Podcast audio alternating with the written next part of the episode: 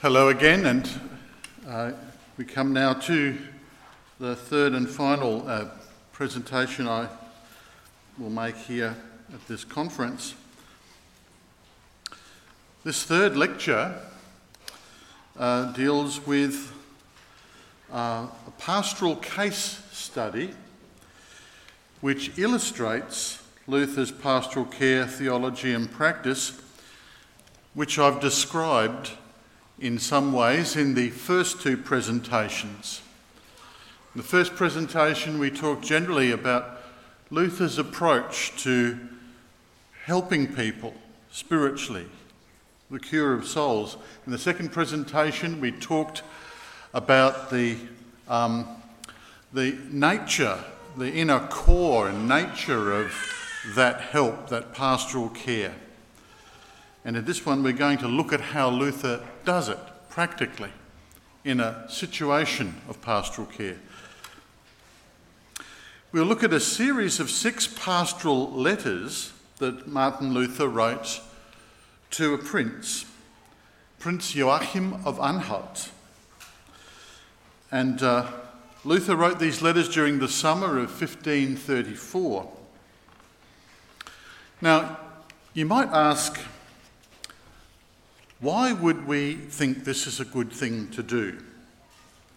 Some people today would ask is there really something to be gained from studying letters written in the 16th century? Well, there are at least three good answers to that question. Number one, it's good to study these letters because they challenge what we could call modern chronological snobbery, as C.S. Lewis called it, which assumes that people who have lived in earlier eras were, compared with us at least, somewhat unenlightened and misguided. Anything written in the 16th century must surely be primitive and uninformed, they think. This view of history would see letters like this as literary artefacts. We might look at them and say, oh, how quaint. Today, with our modern science and technology, we may assume that we know much better. And there's no doubting that in some areas the modern world has progressed incredibly. However, I would strongly suggest that this does not apply across the board. In the area of pastoral care, for example, I would suggest that since the Reformation we have gone backwards rather than forwards overall. Modern movements are in many ways still in the process of catching up with Luther. And we can learn a lot from these letters that we can't learn from modern sources. According to one of the first scholars to work on these amazing letters of Luther's, uh, Professor Ute Mennecke Haustein, they are among those Luther writings widely considered to be his most original and outstanding writing, not only because of their literary and rhetorical genius, but also because of their unique theological, psychological, and pastoral sophistication. I said in uh, two previous lectures that Luther really is an artist. Uh, and he says that pastoral care is an art. And here we see this art being practiced in front of our eyes. The second reason that we should read these letters and value them is that they show us, contrary to this Nietzschean view of history that's very popular today, that the people of the 16th century are, in fact, related to us. That is to say, they are much more like us than unlike us, and we share much with them. Prince Joachim was a real living person, not a character from fairy tale. And these people are different in some ways to us too, of course. They lived in a different time and a different culture. However, Although the 16th century was significantly different to our time, there is some important and strong similarities here too. especially at the personal, spiritual, human level. The people in these letters are people like you and me. As you get to know them as people, and that tends to happen when you read someone's mail, doesn't it? You find out a lot about them. And you will feel a growing kinship with Joachim. Some of the real life struggles are not at all unlike those that are lived out every day in our lives, in our postmodern world. Like us, these people struggled with family pressures, with religious tensions. They knew grief, they experienced joy, they knew emotional turmoil, fear, and pain. And I myself must admit that I feel a strange bond with Joachim, who was caught in the midst of all sorts of change and difficulties that he did not understand, as I was myself at his age. He is, even at a basic level, a clinical profile level, we might say, he's not unlike many young people who are struggling with mental health issues today.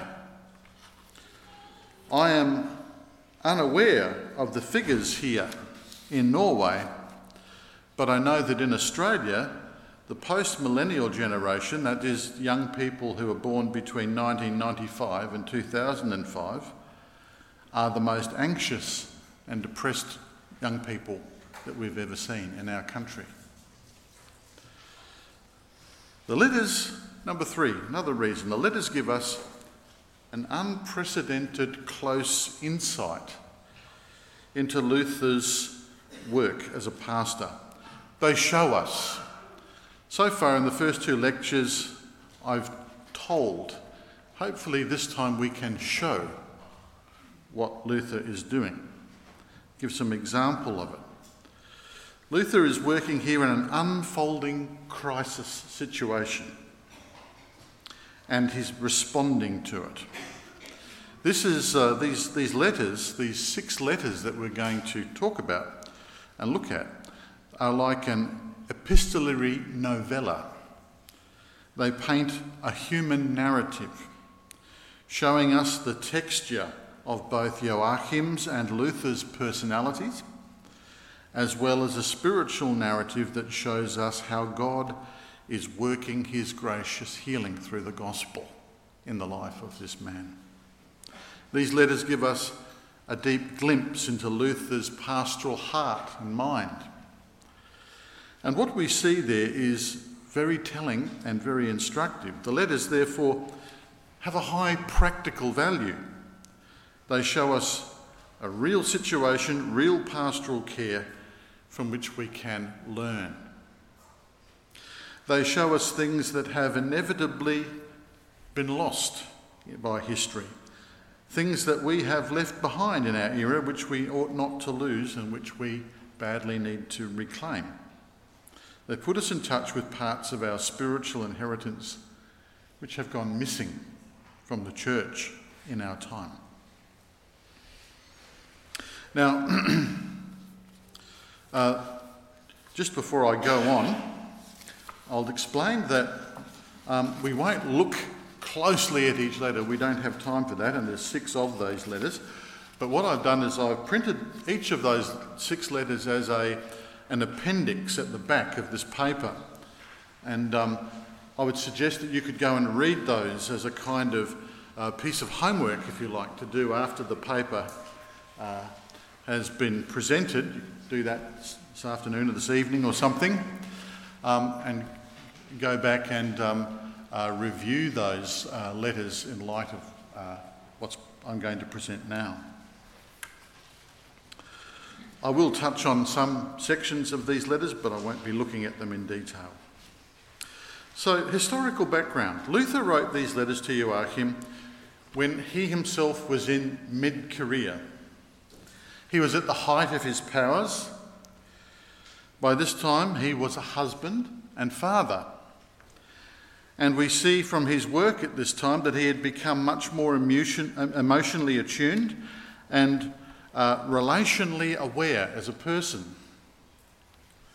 having experienced not only, thanks Yala, not only the spiritual Anfechtung of his youth and his early career, but also the love of marriage and the strong, tender feelings of fatherhood, which, as we will see, become very important in this pastoral care relationship with Joachim. These letters to Joachim show a growing fatherly affection for this very lost young man, and Luther's own discovery as, of his role as a spiritual father. The letters also show significant growth in Luther's emotional intelligence. Well, you know, marriage does that for a man, doesn't it? It opens us up and helps us to grow. And this is what's happened to Luther. We see here in these letters that Luther has grown as a person. The six letters provide one of the most detailed pictures we have of something like this, of Luther working as a pastor. And we can see all of the things that we've described about Luther, we can see these being um, acted out, being lived out. There's a complex historical background to the situation of these letters and how they were written, and I'll summarise it very briefly um, because it's, we could get all caught up in details and history there. Although some of this information is quite important to help us get contact with the human picture here. This is one of the things about uh, really learning how to study history and to really suck the juice out of it properly is that you have to engage with the details properly uh, so that you can understand the context and what's going on. And we'll do that a little bit here too. So, once again, remember that these are real people. They have human hopes and fears and needs, the same ones we have. And the details uh, we have here give us a chance to connect with that. Joachim was the fourth, but the third surviving son of Prince Ernst of Anhalt Dessau by his wife Margareta. After Ernst's death in 1516, uh, Joachim and his two older brothers, Johann and Georg, became the new rulers of that principality, with their mother Margareta serving as regent for the first years of their reign because they were still too young. Margareta herself died in 1530.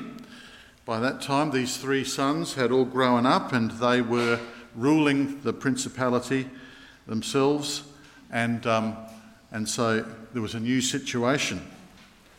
From around 1532, there had been a lot of contact between Wittenberg, the reformers there, and the court of Anhalt Dessau, because at this time, uh, this principality, neighbouring Wittenberg, was becoming Lutheran, changing from the old Catholic faith to the Reformation faith.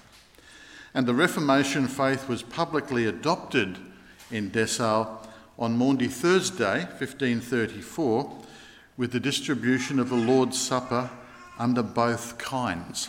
And that was the standard thing that was um, introduced in public worship, was the main change that was first made to the public celebration of the Mass as an indication that the, um, uh, that the congregation was moving from uh, one, one uh, uh spiritual life to another. Georg had by this time become a very strong Lutheran. And Johann, the other second brother, seems also to have given his complete assent and support to this change. Joachim, however, was not at peace about this change. He was different to his brothers. Born in 1509, the youngest of the three, Joachim was strongly influenced by the strict penitential Catholic piety of his mother Margareta until her death in 1530. Shy, nervous, introverted by nature, Joachim was struggling to find his feet in a public and political realm.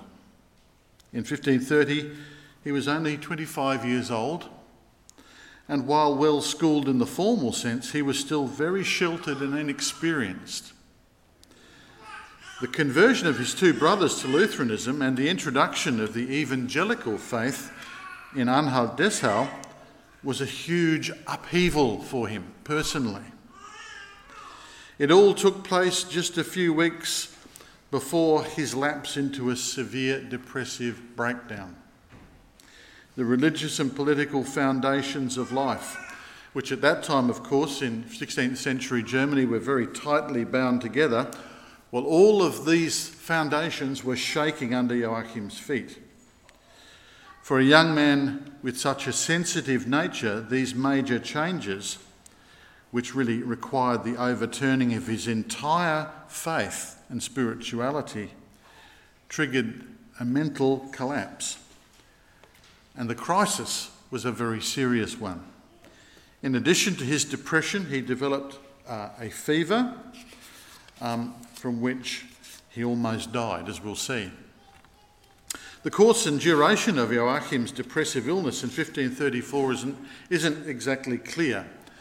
The letters tell us some of the history, but not the complete story. Luther's last known letter of comfort to Joachim from this period was sent on June the 26th, and it shows that Joachim's heavy depressed moods had not yet uh, finished or ceased, that he hadn't recovered yet.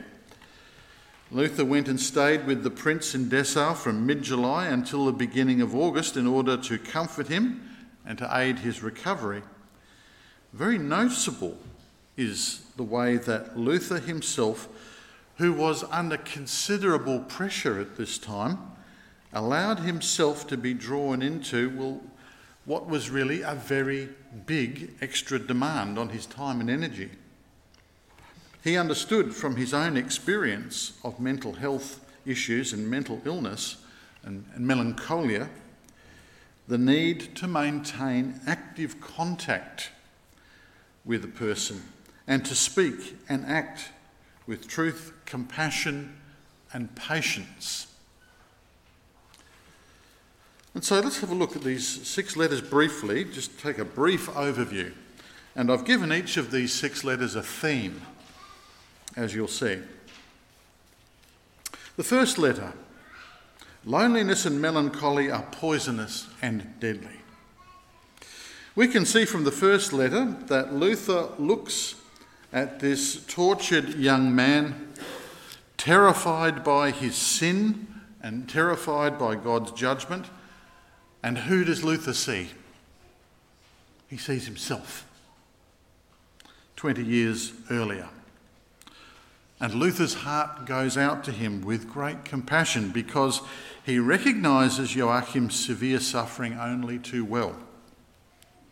Luther's diagnosis of the underlying cause of Joachim's melancholy is very polite and careful here, but in later letters he says quite bluntly uh, a fear ridden, pietistic way of life is not beneficial but toxic to the human body and soul. It'll kill you. This integrated understanding that Luther has of mental, spiritual, and somatic forms of illness is a hallmark of the world Luther lived in. His pre modern way of seeing things, which is now again being rediscovered by medical and psychological researchers.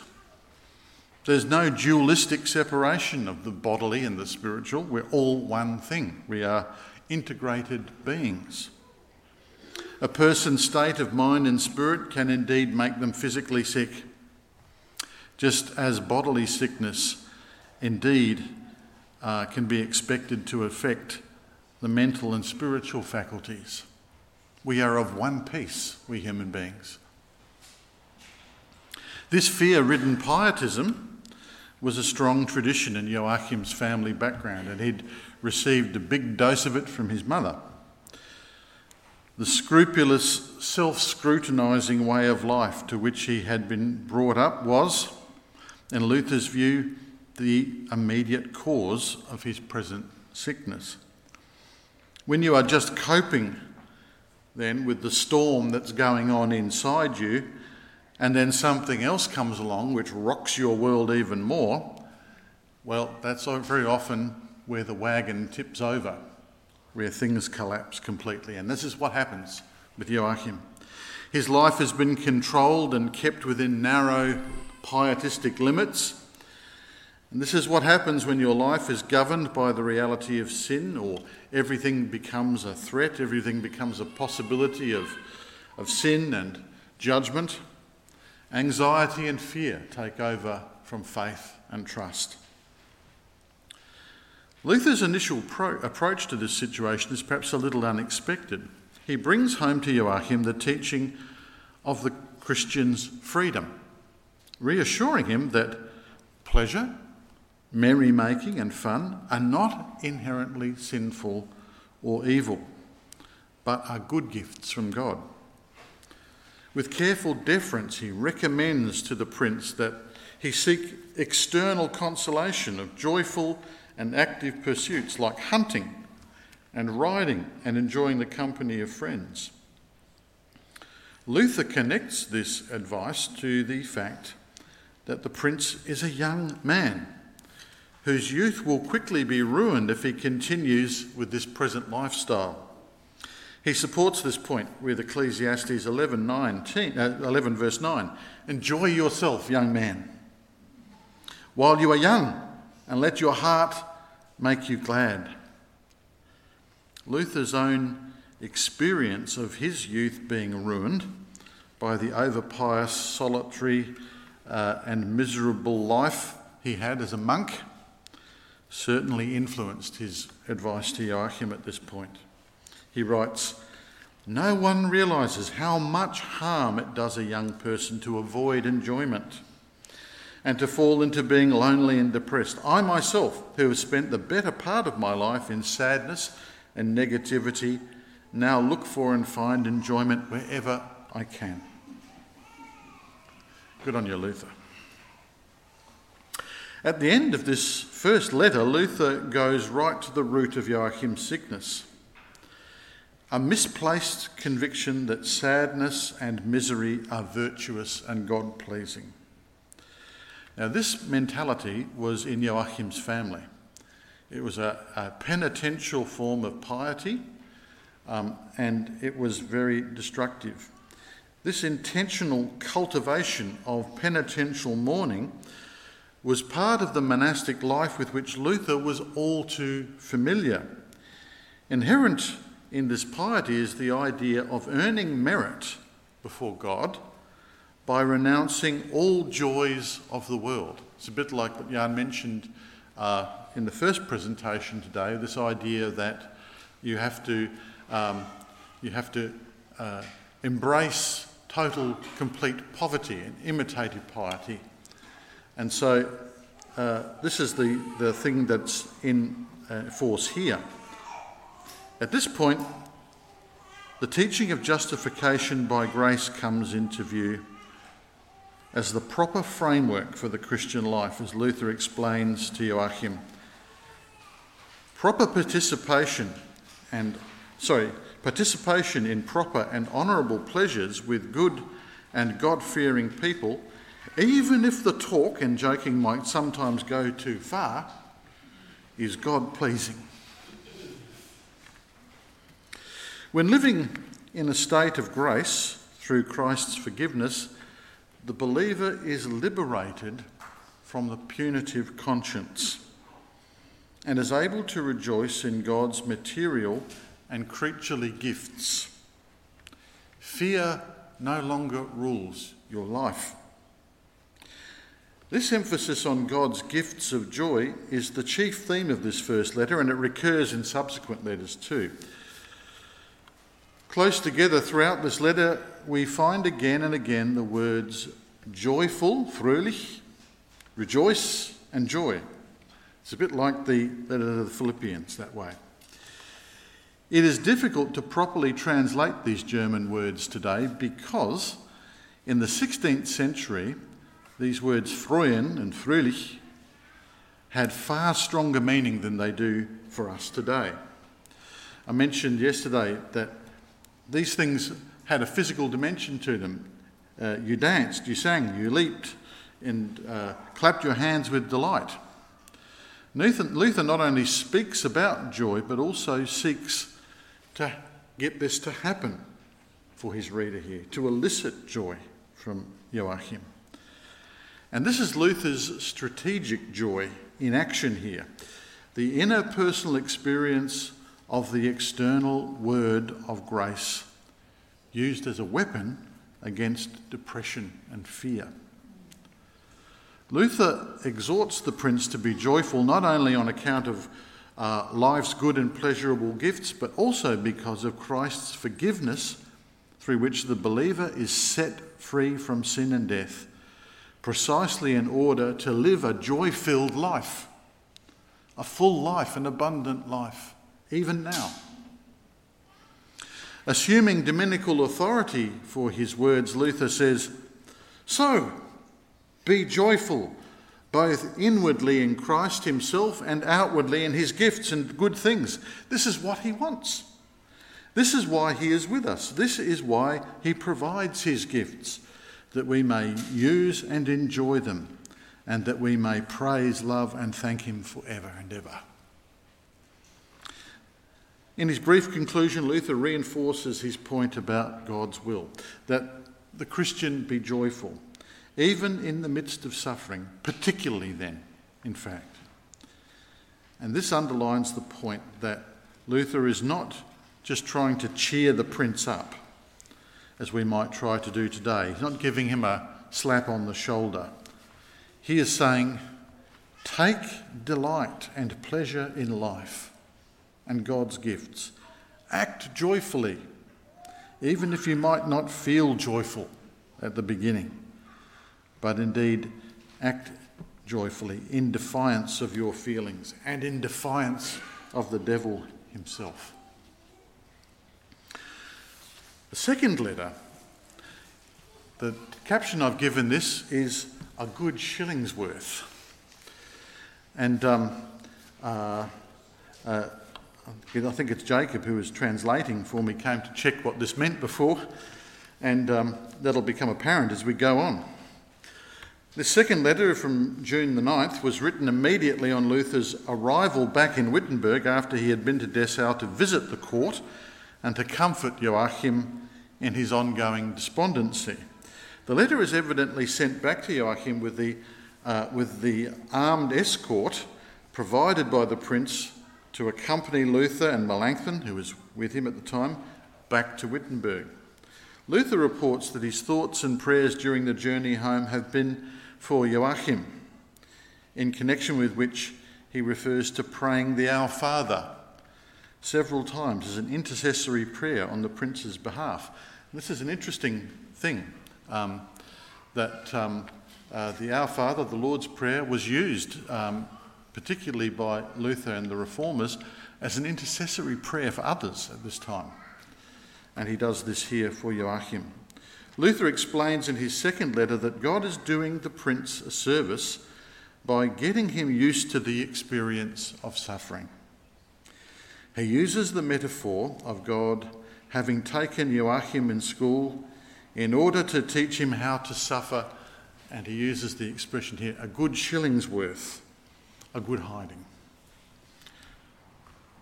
that he may be accustomed to the rod. This way, he says, the rod will continue to be a chastening influence through which to learn endurance, and not, it won't become an executioner's sword which will destroy him. This disciplinary image, perhaps a little shocking to our ears today, is used in a light-hearted and jovial tone in the letter, suggesting that this experience of suffering is part of Joachim's schooling. We need to learn how to suffer. We need to learn to receive suffering in faith and trust so that it can help us in our growth towards maturity. And this is a good challenge to us today in our culture of overprotection. Suffering is usually not some terrible terminal ending in, in our life, but is often a lesson in taking life's struggles as God's formation and teaching for us. And this is what Luther is really saying to Joachim. Luther concludes this section with an exhortation that has a decidedly fatherly, paternal ring to it, showing the fathering role he had by then increasingly come to play in Joachim's life in this period. He says, Come, your grace, my lord and prince, be cheerful, and remember that other brothers are suffering too, as St. Peter says, and perhaps more than you are. For Christ says, Because I live, you also will live. It's a little gentle rebuke to help Joachim put his own sufferings in some sort of perspective. Uh, he is not the only one that's suffering, others are suffering more than he is, Luther says. So let's get this into perspective. Luther shows his commitment to Joachim's ongoing pastoral care by promising here, uh, near the end of this letter, to visit the prince again in the near future. And this is the first letter in which Luther begins to have his private joke with Joachim concerning his publishers, who in this case are characterised as pets, like a cat or a dog, who need to be fed regularly in order to keep them happy. And so, rounding off the jocularity in this last paragraph is the promise that next time Luther uh, visits, he will bring with him his friend Bugenhagen to help comfort the prince. Luther, um, at this time, of course, is working on the 1534 edition of the whole translation of the German Bible, working on the proofs and the corrections along with uh, other colleagues in Wittenberg, and he's under great pressure from the publishers. And so Luther says, Well, I've got to feed my pets in order to keep them happy here. The third letter, I've given this one the theme, O God, let my prince be healthy and happy. Written on June the 12th, only three days after the previous one, before Luther had been able to visit Dessau again, this letter takes up the theme of consolation, the consolations again. He continues the theme of joy and good cheer, and once again he mentions his continuing prayers for Joachim, along with those of Joachim's brother George, who was at that time the provost or dean of the Magdeburg Cathedral. In this letter, Luther develops an approach which he had begun to hint at in his previous letter the use of humour. We see Luther's ability to be a clown, to indulge in some good Narrenspiel, some slapstick. This letter is full of good natured banter, teasing, and joking, mostly at the expense of others. In playing the Joker, Luther is taking up an established tradition of humour and laughter as a treatment for depressive moods by playing the role to which he was well suited the witty, urbane, clever conversationalist who cheers his companions and takes them out of themselves, as we say in English, and gets them chuckling. Humour therapy for depression. This is a great tradition for treating depression that goes right back into the ancient world, and Luther is well schooled in it. This is how Staupitz helped Luther in his depression, of course, by making light of him and by making light of the struggles. Continuing this, his joke from the end of the previous letter, Luther again mentions that he must feed his publisher bosses in order to get some peace, in order to visit Joachim again in Dessau. And then he follows uh, with a sustained joke in which Luther talks about his next visit to Dessau and who he will bring with him. And he uses various comedic nicknames and metaphors. Um, and it's hard for us to know exactly who he's having a laugh at here because uh, there's a lot of in jokes and, um, uh, and names and uh, pet names in inverted commas. It's hard to understand everything, but it's quite clear that Luther is having some fun at others' expense here.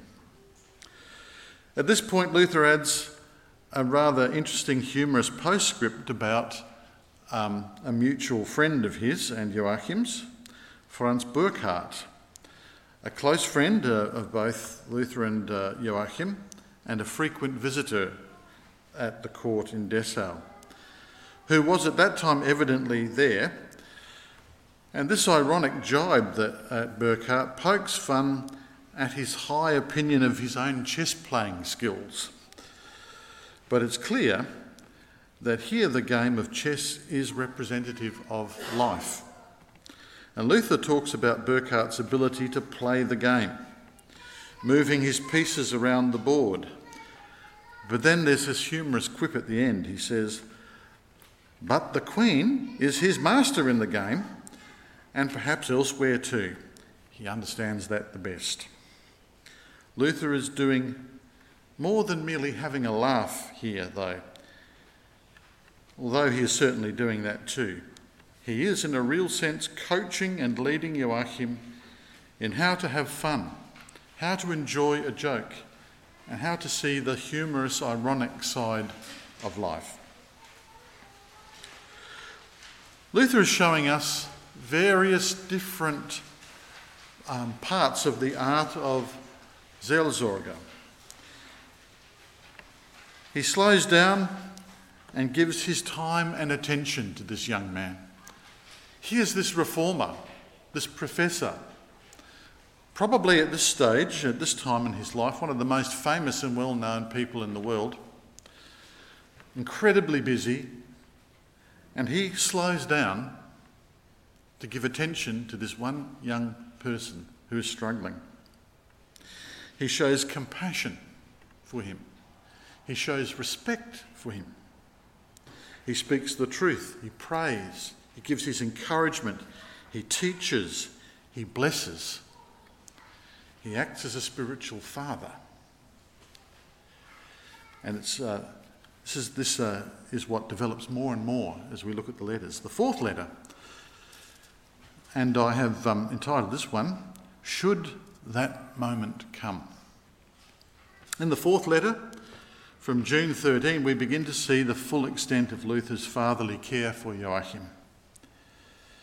This letter is actually little more than a brief note, actually, uh, but it's full of meaning, short though it is. Luther wrote it hastily for Joachim's doctor, Augustinus Schurf, to take with him to Dessau as he responded to an emergency call for medical help from Joachim after a sudden deterioration in his condition.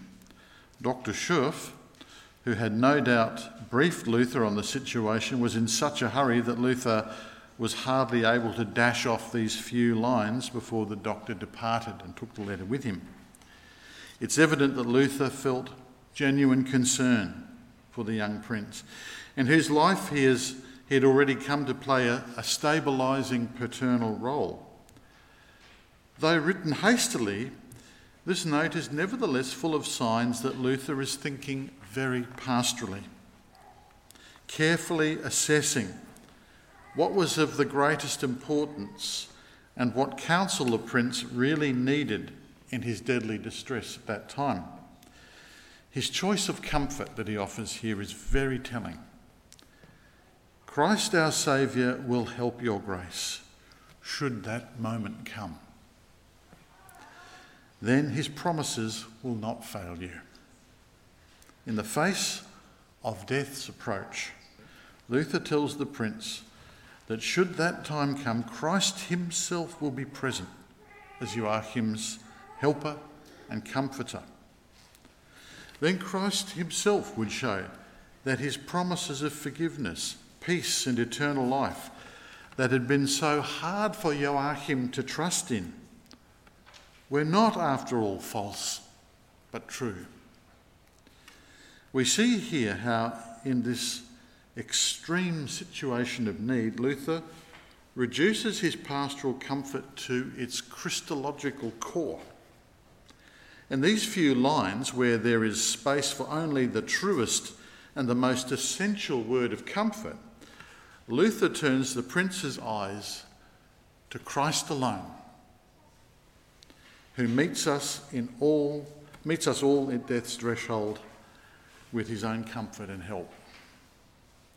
This Christological core of Luther's pastoral theology illuminates the rest of Luther's counsel and comfort to Joachim in these six letters.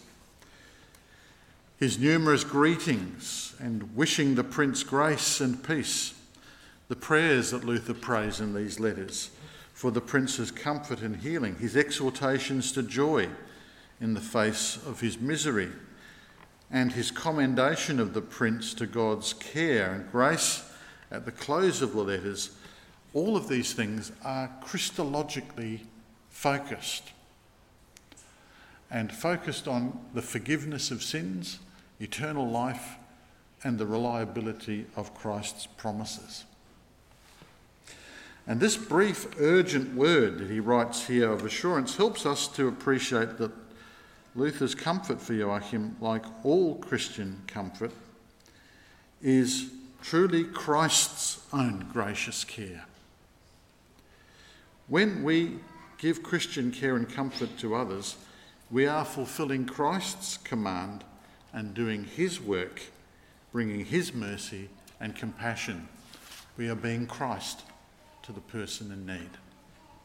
We are taking Christ, speaking Christ, being Christ to them. The fifth letter, even more powerfully. From June 23rd, some days after Dr. Schurf's mercy dash to Joachim's bedside, this letter is quite different in nature from the previous two letters. Joachim had survived a brush with death. He's re- beginning to recover.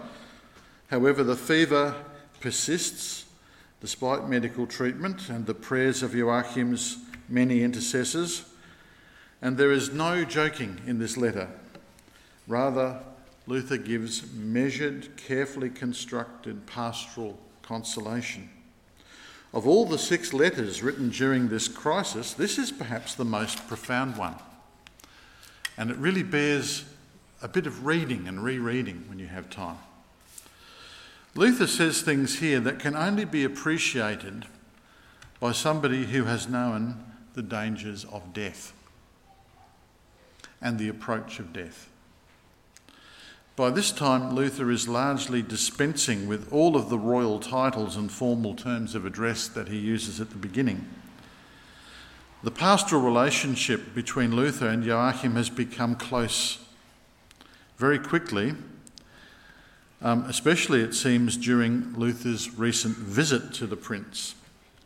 And he is speaking heart to heart. The young prince had become much more to him than an esteemed royal personage. His familiar and paternal tone of speech and his willingness to invest not only his time, but his energy into Joachim's pastoral care shows us that Luther saw this prince as his spiritual son. It's hard not to think that Luther saw this young man dogged by exaggerated spiritual guilt and melancholy. He saw shades of himself as a young monk struggling with his own depressed and burdened conscience and seeking help from his spiritual father, Joachim, uh, sorry, uh, Johann Staupitz. So Luther, who was spiritually fathered by others, now spiritually fathers uh, other people. The major task that Luther takes up in this letter is to teach Joachim, to teach him endurance and patience in the face of protracted illness. His points here are very clear and pastorally helpful. He explains that God has knowledge of how to help us, which is superior to our knowledge, and therefore his timing is also superior, even though it may seem to us that God is taking too long. The comfort to be drawn from these two points is that God's redemptive actions in the world often take place sub contrario, under the sign of their very opposite. God's help is right and good for us, even though it may not seem to us very right or good. Faith leads us to trust and be patient, believing that God hears our prayers and is answering them according to his perfect will, even though we cannot see any trace of that, even though we can't see things getting better.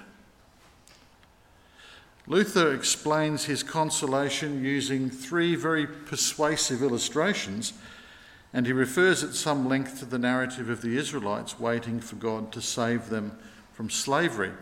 And this is a beautiful example of the way Luther uses scripture in pastoral care.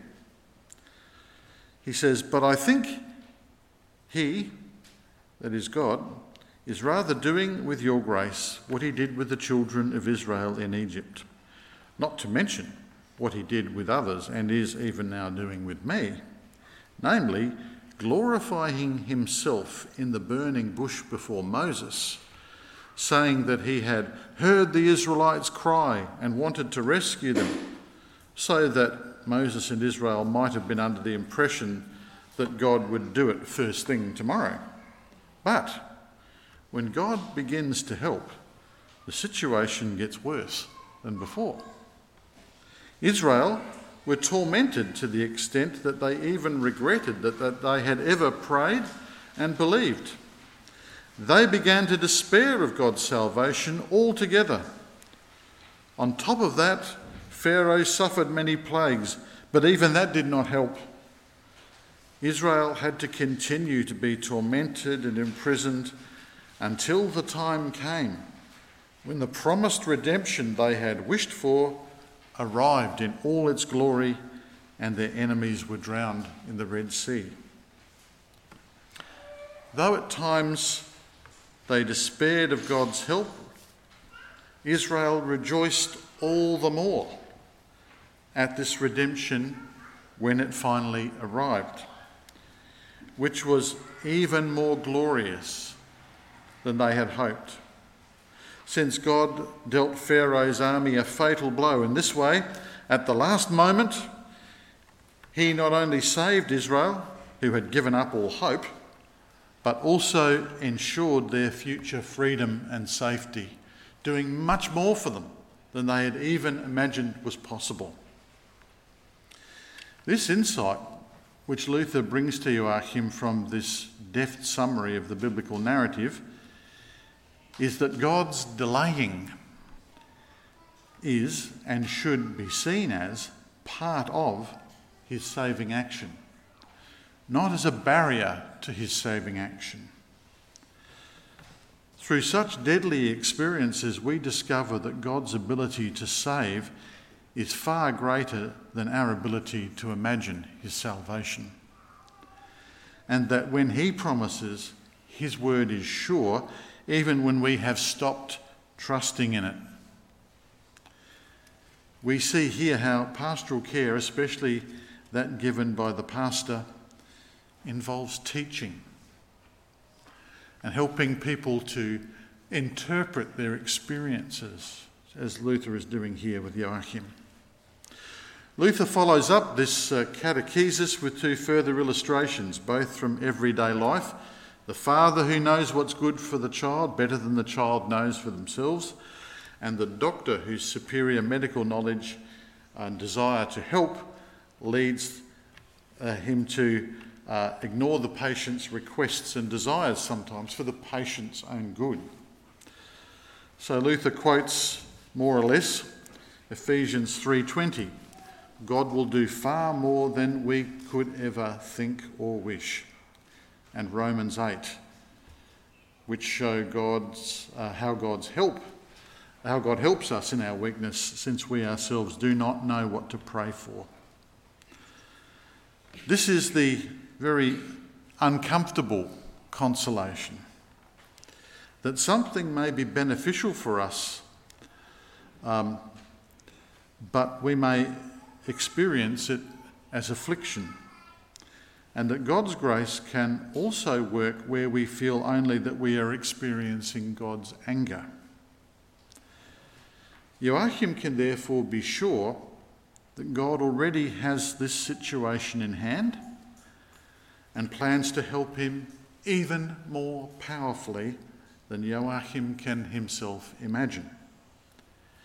Indeed, at the end of this paragraph, Luther says that God may use this situation to do more for the prince than merely restore his physical health, inferring perhaps that this trial may, by God's grace, bring about Joachim's growth in faith, spiritual maturity and wisdom, and his ability to trust in the grace of God and to find that it's there for him when he really needs it.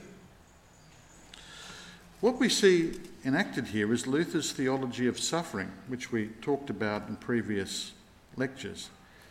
It's skillfully employed here in teaching, didactic, pastoral care.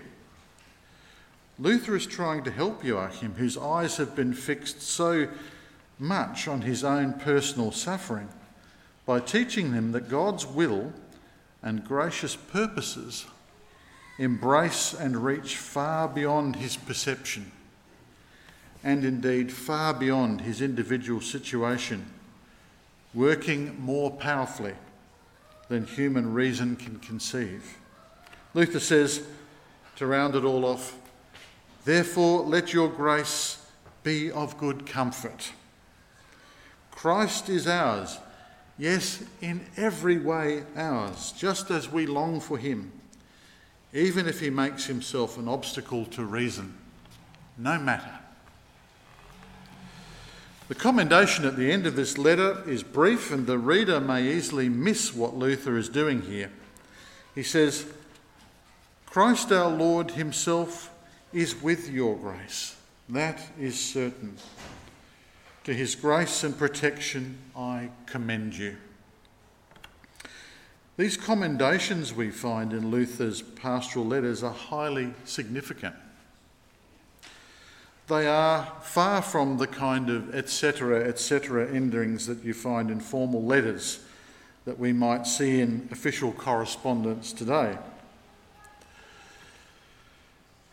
Even though they may look a little bit like that to us. But in every phrase of these commendations, there is a particular nuance and a particular intention that Luther wants to convey.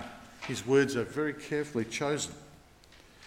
These closing words carry a heavy rhetorical payload.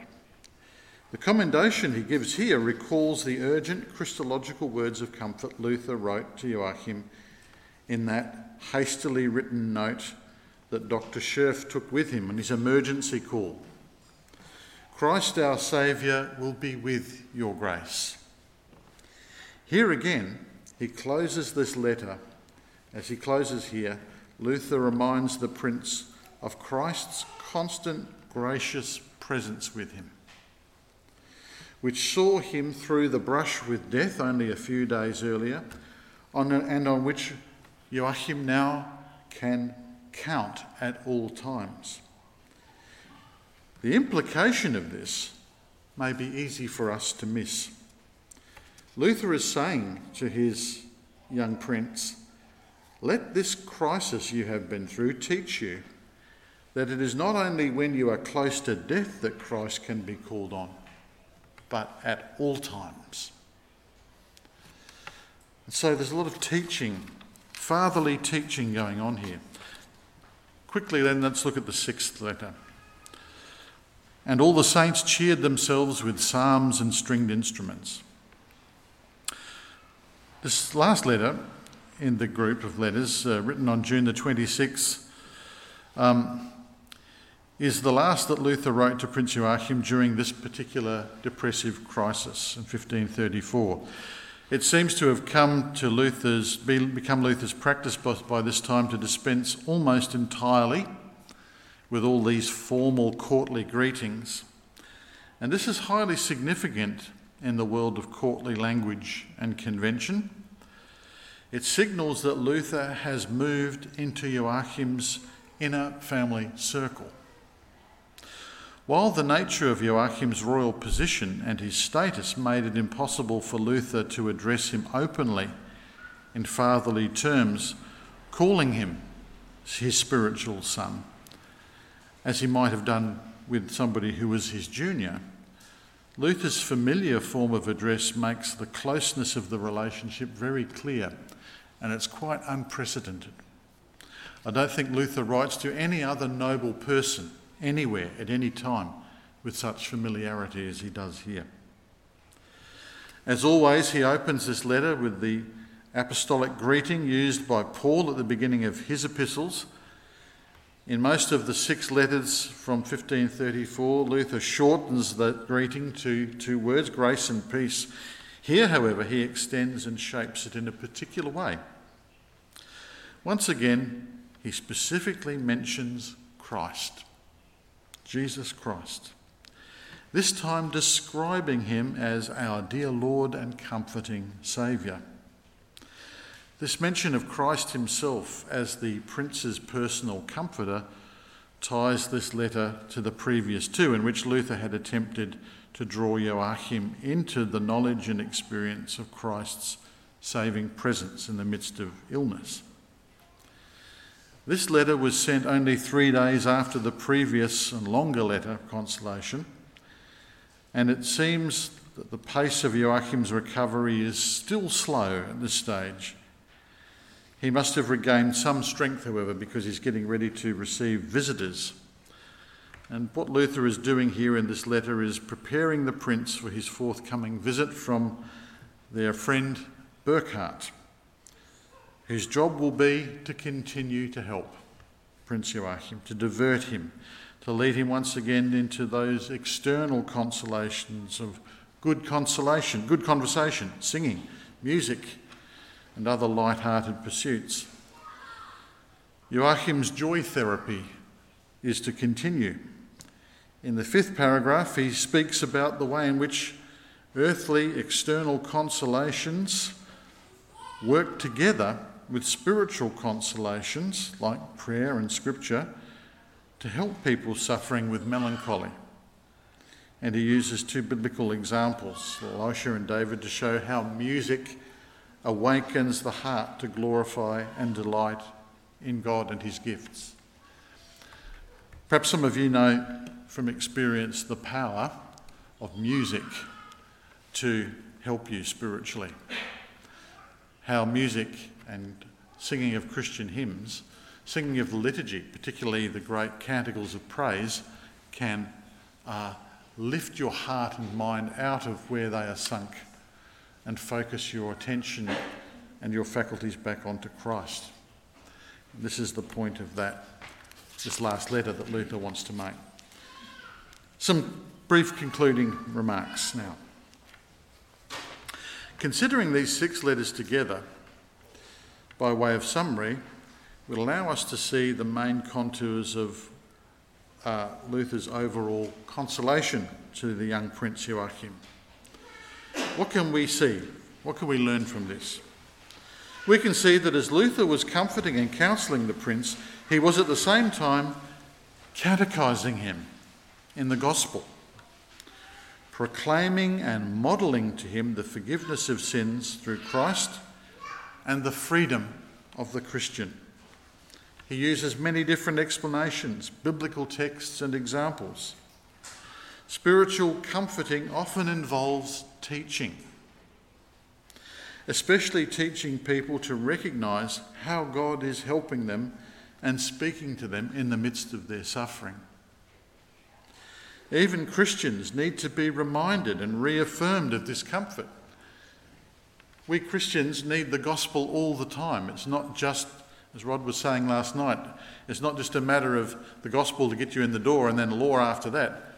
We need the gospel and the comfort of the gospel to help us through life all the time. We need to be reaffirmed and reassured. As we have noted throughout this study, these letters show us a lot about the nature of acting as a spiritual father.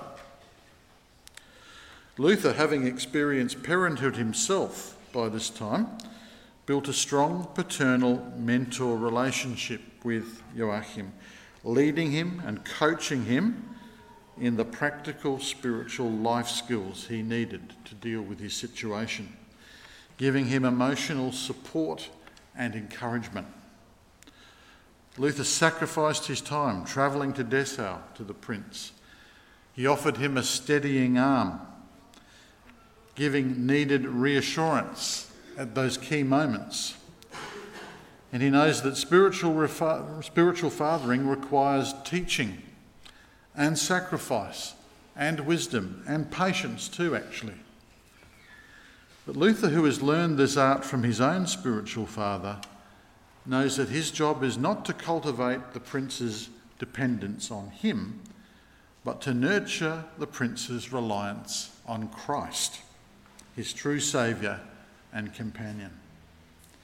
Having stepped up to teach and to guide and support, Luther also steps back so that Joachim's fledgling trust in the gospel may be strengthened to endure suffering by trusting in God, not in Luther. In our contemporary world, we are faced with two generations of young men now who are desperately underfathered and in need of spiritual fathering. I know this from my own experience as a pastor and a teacher in a seminary. Our students often come from homes where their fathers have been absent or unavailable, and they have never been blessed by their father. They have never been truly disciplined by a loving father, nor taught by a father. Canadian psychologist Jordan Peterson has shown that our young men, both inside and outside of the church, are in this way uh, missing out a lot and some of them are still very lost. Mature male spiritual teaching and emotional support are so often missing from their lives. Luther's ability to use scripture in his teaching task is masterful, and that's one big thing we can learn from this, these letters. He draws Joachim into the very narrative of the text so that he can find his own situation there and so discover God's gracious working in his own life. The biblical comfort of the gospel, centered on Christ and his promises, came as a voice of love and acceptance.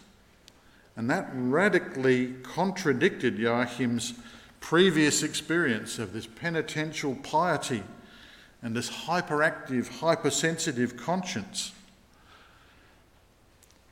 The life into which Luther sought to lead Joachim was a life of joyful trust and peace, flowing from a cleansed, relieved conscience, a life in which the Christian is free to enjoy the creaturely comforts of life in good faith. These letters are, one might say, a cure for pietism. They affirm that he who did not spare his own son will give us all things along with him. At the same time, they are a stimulus to piety. Two different things pietism and piety. Piety is a true holiness of life which comes from receiving God's gifts to us as holy, all of his gifts, receiving them in faith and trust as God's holy things. Luther teaches clearly here that along with created pleasures, the experiential joy of God's spiritual gifts is the means by which God sustains us in life, including in times of affliction and suffering and sickness. When the sufferer needs to be patient and wait for God's help, joy is needed especially then and is available to us, especially then. This is a profound insight about the Christian life which speaks to us today too. Have you ever noticed that habitually, when we experience anxiety, uncertainty, or difficulty in life, we tend to suspend joy and pleasure until our emotional peace can be restored, as if this sacrifice of misery will make things come right faster. It's a superstitious, strange thing people do, and it's delusional because it is God who is at work in these situations, testing teaching, strengthening our soul, teaching us to rejoice in Him and to be of good comfort, knowing that He has already overcome thing, all things for us through Christ. Thank you.